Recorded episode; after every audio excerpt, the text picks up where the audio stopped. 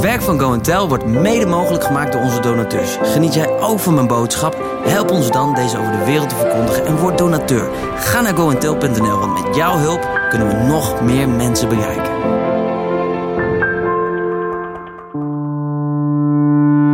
In de nieuwe masterclass Spreken vanuit je hart neemt David je mee in de wijze waarop hij grote groepen mensen inspireert met Gods woord onder leiding van de Heilige Geest. Wil jij groeien in spreekvaardigheid en leren communiceren en bedienen tegelijk? Dan is deze masterclass echt iets voor jou. Wat kun je verwachten? Een unieke toegankelijke sprekerscursus voor alle leeftijden. Je leert een groot publiek te boeien met jouw verhaal. Je ontwikkelt en vergroot jouw intuïtieve vaardigheden en je ontvangt een bijbehorend cursusboek met praktische oefeningen en opdrachten. Ga naar davidevos.nl om direct aan de slag te gaan.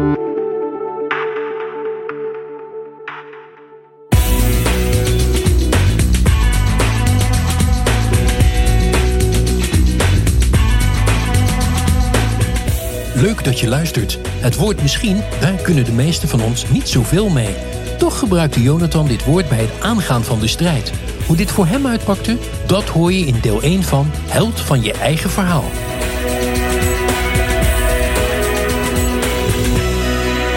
Ik wil vanavond spreken over. ehm, ja, eigenlijk over een held. Iemand die altijd ergens anders naar kijkt. Als het grote gros kijkt naar alle chaos en problemen. Is een held iemand die de dingen ziet die een ander niet ziet. En ik weet dat God in staat is om dat in ons allemaal te leggen.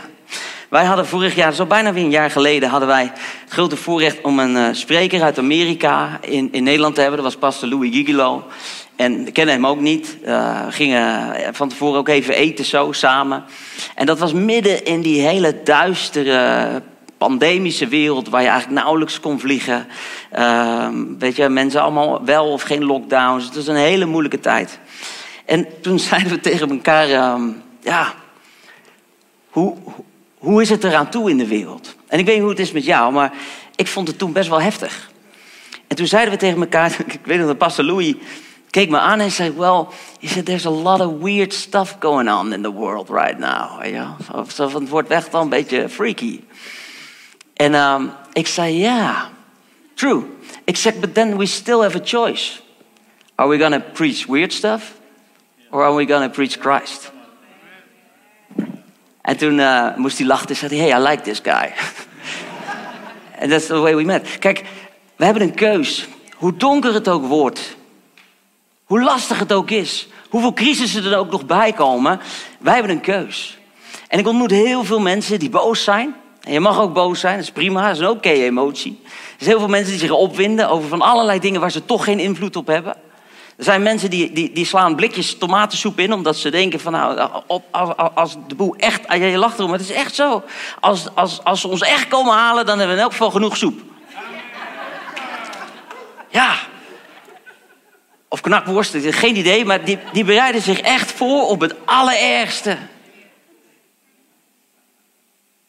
En ik heb geen idee hoe jij hier zit. Misschien dat je dat ook hebt. Dat je wel angst hebt. ik heb geen idee waar dit naartoe gaat. Want ik zal je heel eerlijk zeggen. Toen ik met Louis aan tafel zat, dacht ik: dit wordt echt niet erger dan dit. En toen wist ik nog niet dat ze in Rusland de gaskraan gingen dichtdraaien. En dat mijn rekening keer drie zou gaan. Ik, ik weet nou niet wat ik, wat ik erger vond. Af en toe een beetje hoesten en niezen. Zelf dan, hè? Want ik bedoel, er zijn natuurlijk mensen die er verschrikkelijk onder geleden hebben. Maar of gewoon drie, vier keer de rekening. En dat we samen af en toe bij de Albert Heijn staan en dat we kijken, hè? Hebben we nou boodschappen voor een week gehaald of voor twee dagen? Amen. Je leeft in dezelfde wereld. En er komt van alles op je af. En de mensen die ik dan spreek, die bezig zijn met blikken tomatensoep en knakworsten en weet ik het allemaal te verzamelen die zijn boos en dan zeggen ze, ja, die overheid is niet te vertrouwen en het is verschrikkend, ligt hier en het ligt daar. En, en boos, boos, boos, boos, boos, boos, boos. En ze nemen onze vrijheid weg. En dan denk ik altijd, oh ja? You can't touch me. Doom, doom, doom, doom. Can't touch me. Doom, doom, doom. En waarom? Omdat ik echt geloof, met mijn hele hart, dat mijn vrijheid van binnen zit. Wij denken in Nederland dat we het af en toe heel slecht hebben, maar ik bedoel, my goodness. Ik heb een vriendin die woont in Singapore. Die kerel die, uh, ging naar de Starbucks. En die had zijn, uh, zijn coronapas niet mee. Maar had wel zin in koffie. Dus hij zei tegen een vriend, mag ik jou uh, passen verlenen? Ja, dat is goed. Niemand die het merkt. Die man heeft twee weken in de gevangenis gezeten voor een bakje koffie. maar ja, valt het hier nog wel mee, toch? Maar even los van hoe erg het waar ook is. Want er zijn plekken in de wereld, dat kun je nog veel erger hebben. Er zijn plekken waar mensen aan de deur staan te luisteren of je de naam van Jezus niet noemt. Er zijn plekken waar je echt heel voorzichtig moet zijn. Of je, ik mag hier vrij staan spreken over Jezus. Dat is, een, dat is een cadeau, dat is gigantisch. We kunnen het streamen, we kunnen het de wereld ingooien. Dat is zo mooi, zoveel om dankbaar voor te zijn. En als het benauwd wordt, dan merk ik persoonlijk dat ik juist naar binnen toe ga. En zeg, God, oké, al zou al de dingen wegvallen, ik weet dat u altijd blijft. Dus Waar richt jij je op? Waar ben je mee bezig? Wat is je focus? En het is zo heerlijk om te weten dat te midden van alles Jezus nooit verandert. Hij is niet van slag. Hij is niet van zijn troon gevallen. Dat hij denkt, nou boy, hé, poeh. Nou Steffen, dit heb ik nog niet meegemaakt. Weet je wat ik ook aan moest denken? Ik denk van alle generaties. Elke generatie dacht, nou, tot nu toe hebben wij wel het ergste meegemaakt wat de hele wereldbevolking ooit gezien heeft. Erger dan dit wordt het niet. En dat verhaal vertellen we elkaar steeds weer, generatie op generatie op generatie op generatie. Maar weet je wat zo mooi was toen Jezus op deze wereld liep? En ze tegen hem zeiden: Heer, wanneer gaat u wat aan doen aan die Romeinen? Wanneer knalt u het land uit? Want dit, dit, dit, dit hè, u wordt toch de nieuwe koning? Zei hij: Man, ik ben van een ander koninkrijk. Ik ben van een koninkrijk wat ver daarboven uitstijgt. En soms, ik weet hoe het is met jou, maar soms dan raak ik dat zicht op dat koninkrijk een beetje kwijt. Door al mijn eigen invullingen en ideeën. Maar gelukkig, gelukkig zijn er te midden van al die crisissen altijd een paar helden die rondlopen en dingen doen die niemand verwacht. En helpen ons om de focus terug te krijgen op waar het echt om gaat. 1 Samuel 14. Ik wil je meenemen een prachtig mooi verhaal uit de Bijbel. Waar we zoveel van kunnen leren. Op een zekere dag zei Jonathan, de zoon van Saul, tegen zijn wapendrager. Saul was een koning vroeger in de Bijbel Jonathan was zijn zoon. En hij zei tegen zijn wapendrager: Laten we oversteken naar de Filistijnse wachtpost, daar aan de overkant. Maar hij vertelde niet aan zijn vader wat hij van plan was. Waarom zou die jongen dat niet doen? Nou, ik zal je verklappen, er zijn ook dingen die mijn zoon niet aan mij vertelt, die hij van plan is. En dat heeft een reden. En die reden is dat hij weet dat ik er anders over denk. Dus dat had Jonathan ook. Dit ga ik niet aan pa vertellen. Maar we gaan naar de overkant. Want de Saul die had zijn tent opgeslagen onder de granaatappelboom bij Migron, even buiten Gibea. Hij had 600 soldaten bij zich. Nou, even de situaties. Er was crisis. Er was crisis. Er was oorlog. Er was duisternis. Het was spannend. Het was intimiderend. Ze wisten niet wat er zou gebeuren. En ze hadden een koning die dacht: ik moet er wat aan doen. Maar ik weet niet precies wat. Weet je wat ik doe? Zekerheid voor alles. Ik ontspan en doe ademhalingsoefeningen onder de granaatappelboom. Alleen het hart en de ogen van de held, in dit geval is Jonathan, zijn altijd op zoek naar de oplossing. Dus daar waar anderen klagen daar waar anderen met elkaar samenkomen om te praten over hoe erg de toestand is. Daar waar anderen misschien wel aan het inspectie voeren zijn bij de vijand van wat ze allemaal aan het uit. Kijk eens wat er staat. Een verschrikkelijk man. We hebben er vandaag een gezien, die was wel twee meter hoog. En, en, en al die dingen. Was Jonathan op zoek naar, waar is de opening? Waar is de opening?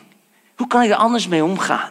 Hoe kunnen we deze situatie zo raken dat het, dat het niet vernietigend is, maar dat er mooie dingen uitkomen. En hij had een plannetje. En hij had ook al geleerd om mijn plannen te kunnen uitvoeren en anders te kunnen kijken, moet ik oppassen met wie ik mijn plannen deel. Hé, hey, dat is een gratis tip. Vertel niet je plannen aan iedereen. Ja, zei Jezus, gooi je parels niet voor de zwijnen. Stort je hart niet uit bij iemand die het niet waard is. Heb je waarschijnlijk al geleerd. Hou van jezelf. Zorg goed voor jezelf. Nou, 1 Samuel 14 vers 6. Het gaat gebeuren. Jonathan die zei tegen zijn wapendrager, laten we oversteken naar de wachtpost van die onbesnedenen. En dan moet je opletten wat hier staat. Ik vind de details in de Bijbel altijd zo gaaf. Je leest de Bijbel als een verhaal, maar de details zeggen zoveel. Dan staat er dit. Misschien is de Heer op onze hand. So much voor misschien. Hoe hou je het in je hoofd? Om naar het kamp van de vijand te gaan met alleen maar een misschien.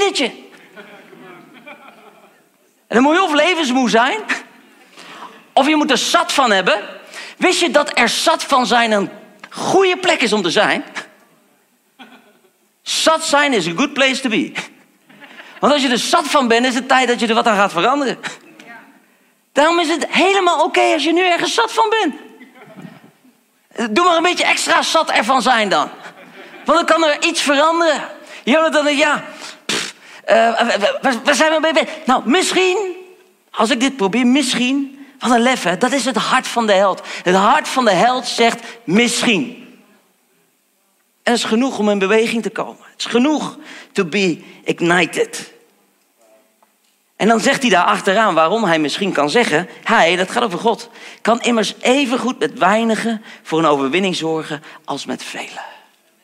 Nou, God is in staat om vanavond evenveel, zo niet meer te doen in deze zaal. als dat hij zou doen in Afrika op een groot veld waar honderdduizend mensen staan. Waarom? Omdat hij dezelfde God is. Wij denken wel eens in Europa dat we de God light versie hebben. Jezus light of Jezus zero, weet je wel? Zonder power, weet je? Zo van, ja, daar aan de andere kant van de wereld en daar en die, ja, oh, maar hier. Mm. Come on. Verander je denken. Hij kan immers even goed met weinigen voor een overwinning zorgen als met veel. En dan zegt zijn wapendrager dit. Dat lijkt me een goed plan, antwoordde de wapendrager. Dit was een echte ja-knikker. Ik bid dat God je zegent met vele van deze mannen. Die je niet in de weg staan, maar die zeggen: Weet je, dit is een goed idee. Ik ben uw man. Luister, zei Jonathan. We steken over en we zorgen dat de soldaten ons zien. Dat is dus de vijand. En dan zegt hij dit, hè? Misschien, hij zit echt in zijn misschien. Misschien zeggen ze tegen ons: halt, verroer je niet totdat we bij jullie zijn. Dan blijven we staan en gaan we niet naar ze toe. Of ze zeggen: kom erop. Dan klimmen we naar boven, want dat is voor ons het teken dat de heerser aan ons uitlevert. Nou, even jou en mijn logica challenge. Hoe groot is de kans dat als jij je laat zien aan de vijand, dat de vijand dan tegen jou zegt: blijf even staan waar je staat. Kom zo bij je. Dat is natuurlijk de meest, meest onmogelijke scenario. Daarvan zegt hij, nou als dat gebeurt, dan weet ik zeker dat, dat dan moeten we het maar niet doen. En het meest logische scenario, dat is als je iemand intimideert en uitdaagt, is dat iemand zegt, wat dan? Wat dan? Kan hè? Dat is het meest logische scenario. Jonathan was in staat om eigenlijk alles wat in zijn meest gunstige, gunstige omstandigheden is, dat vond hij de weg van de Heer. Wauw. Dit is wel heel vrijmoedig, maar ik ben blij dat het in de Bijbel staat. niet mijn verhaal is, weet je. Anders zeg je natuurlijk tegen me, ja, nee, David is allemaal wel heel makkelijk. Maar in een heel moeilijk seizoen zijn kleine zegeningen heel snel al heel belangrijk. Een klein verschil. Ik weet niet hoe jouw dagen zijn. Maar er zijn zoveel momentjes in je dag dat je even heel bewust dankbaar kan zijn.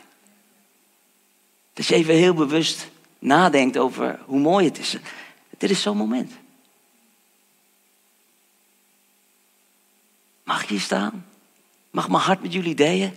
Kan met jullie in verbinding staan, kan, kan zien wat God gaan het doen, aan, het doen is. Aan het begin van deze conferentie. Ik zie uit naar de verhalen die ik ga horen van wat er vanavond en morgen en, en zondag gebeurt.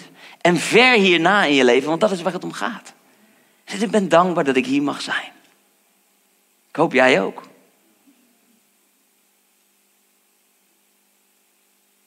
Even de meest gunstige scenario's. Die gast die deden. Ja, als ze zeggen, kom maar op. Dan, oké.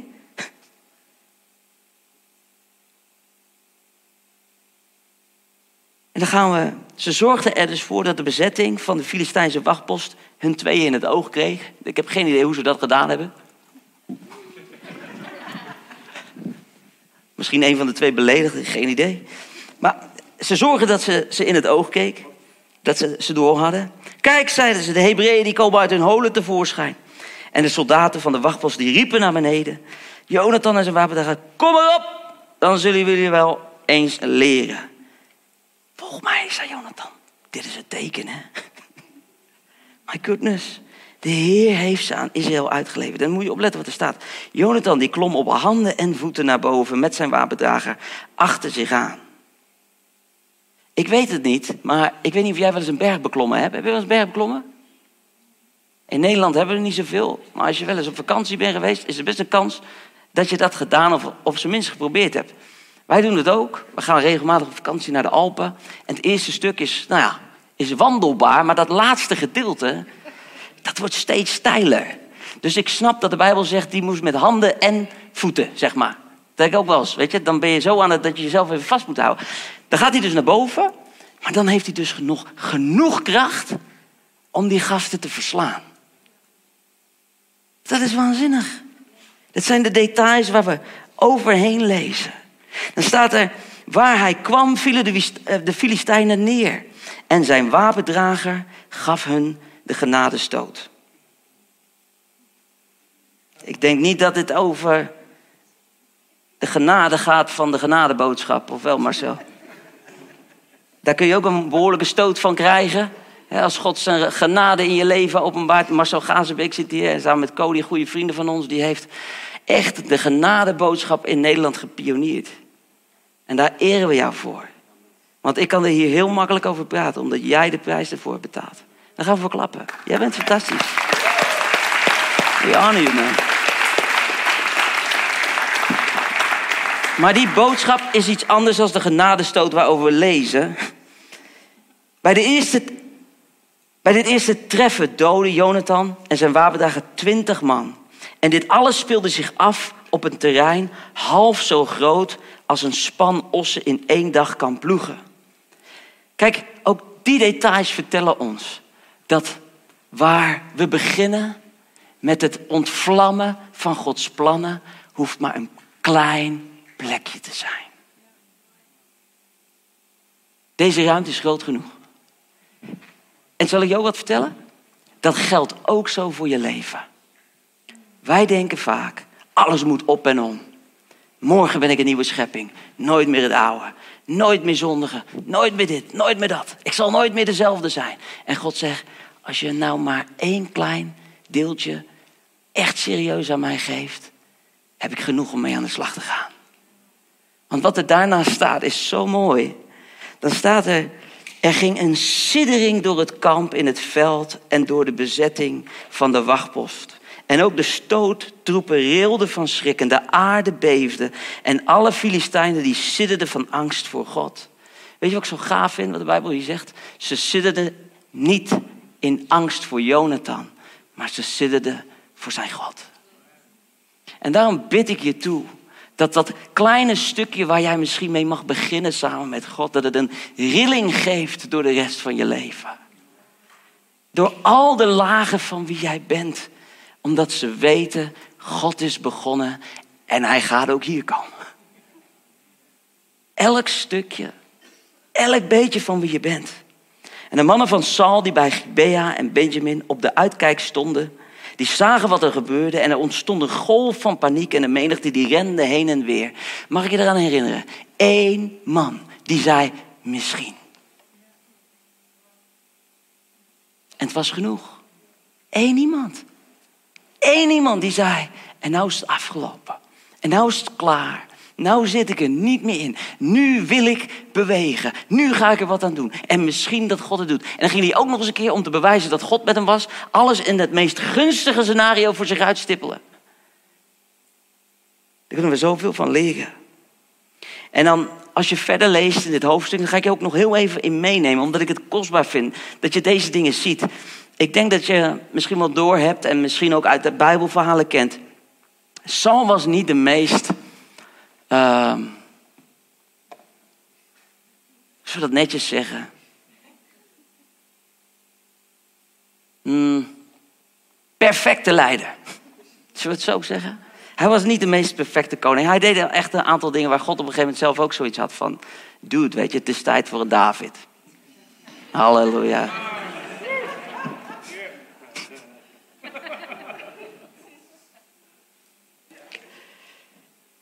En ik weet inmiddels, omdat ik wat, wat, ja, wat ouder aan het worden ben en zo, dat er geen mens in deze hele wereld is die dingen doet per se omdat hij ze wil doen, maar we doen ze allemaal om bepaalde behoeftes te vervullen. En dat zal waarschijnlijk ook. En ik denk dat Saul echt wel, uh, ik weet niet, wat opvoedissues had of zo. Wat leegtes, weet je. Wat lege emmertjes. Die kerel die had ontzettend veel bevestiging en waardering nodig. En wat je ziet is dit, hè. En dit is zo belangrijk, omdat dit lessen voor ons zijn. 1 Samuel 14, vers 24. Van de Israëlieten werd die dag het uiterste gevergd. Nou, dat kan soms, heb je een pittige dag. Maar waarom? Want Saul had de soldaten onder ede bezworen, vervloekt wie het waagt om voor de avond iets te eten, voordat ik me op mijn vijanden gewroken heb. Dus nam niemand ook maar iets te eten. Even gewoon klinklare boodschap. De ego van Saul zorgde ervoor dat niemand wat mocht eten. Laat jouw leven nooit op de plek komen dat je ego zo groot is dat de mensen onder jouw honger lijden. Hij zegt niet als wij het met elkaar gaan doen. Hij zegt als ik me op deze vijand heb gevroken. En wat zie je dan? Dan zie je daarna ook dat um, zijn, zijn, zijn soldaten echt lijden onder, onder deze beslissing. En dan staat er dit in 1 Samuel 14, vers 27. Jonathan echter, die had niet gehoord dat zijn vader de soldaten een eed had opgelegd. Hé, hey, de oren van de held zijn gesloten voor de onzin van de in, verwarren, in verwarring zijnde lijden. We hopen dat je hebt genoten. Je reactie is altijd welkom op info@goentel.nl. De nieuwste blogs, video's en overdenkingen vind je ook in de Simply Jesus app. Download hem vandaag nog op Google Play of in de App Store, want de boodschap zegt alles.